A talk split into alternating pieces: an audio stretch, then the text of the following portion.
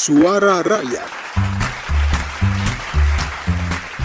Sejumlah pedagang di beberapa pasar di Jakarta mengeluhkan sepi pembeli. Para pedagang menduga para pembeli lebih memilih belanja secara online melalui beberapa platform di media sosial.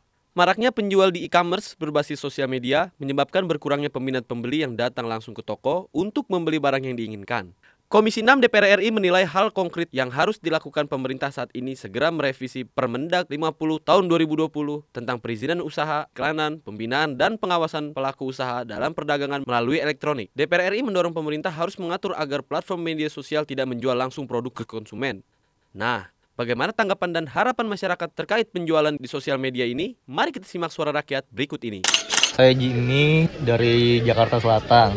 Menurut saya sih kalau soal itu uh, ya kadang kasihan juga sih. Mereka kan uh, kontrak toko udah mahal-mahal banget ya.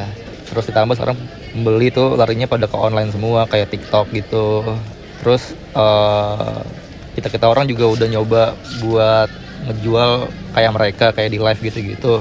Tapi tetap kalah kan pasti karena mereka kan live-nya pakai ya artis lah gitu-gitu. Jadi udah udah kalah secara pamor lah gitu ya kalau harapan saya sih tolong dibuat aja kayak aturan dari pemerintahnya gitu biar biar adil deh. Kalau saya bingung bingung juga sih mau mau ngaduk mana lagi kan.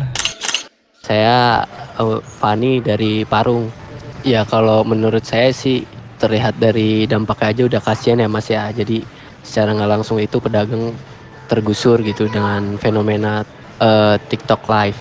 Uh, dari omsetnya dari penjualannya pasti menurun drastis dari harga pun juga relatif lebih murah yang di TikTok Shop. Makanya kalau menurut saya sih lebih baik uh, pemerintah tuh membuat regulasi yang adil gitu supaya bisa mengatur perekonomian. Nama saya Ari tinggal di Ciledug. Menurut saya ya Mas ya, uh, kalau soal itu ya kadang benar kasihan juga sih lihatnya sama penjual-penjual di pasar pasar gitu. Dia nyewa rukonya aja kadang udah mahal banget. Masa eh pedagang pedagangnya larinya ke jual-jualan di sosmed gitu. Sedangkan di sosmed di online gitu dia juga kalah bersaing juga sama artis-artis ya kan? Harapan saya sih ya uh, ya tolong dibuat aturannya yang jelas antara pemerintah pusat sama daerah biar seadil-adilnya aja Suara Rakyat Produksi Televisi Radio Parlemen Biro Pemberitaan Parlemen Sekjen DPR RI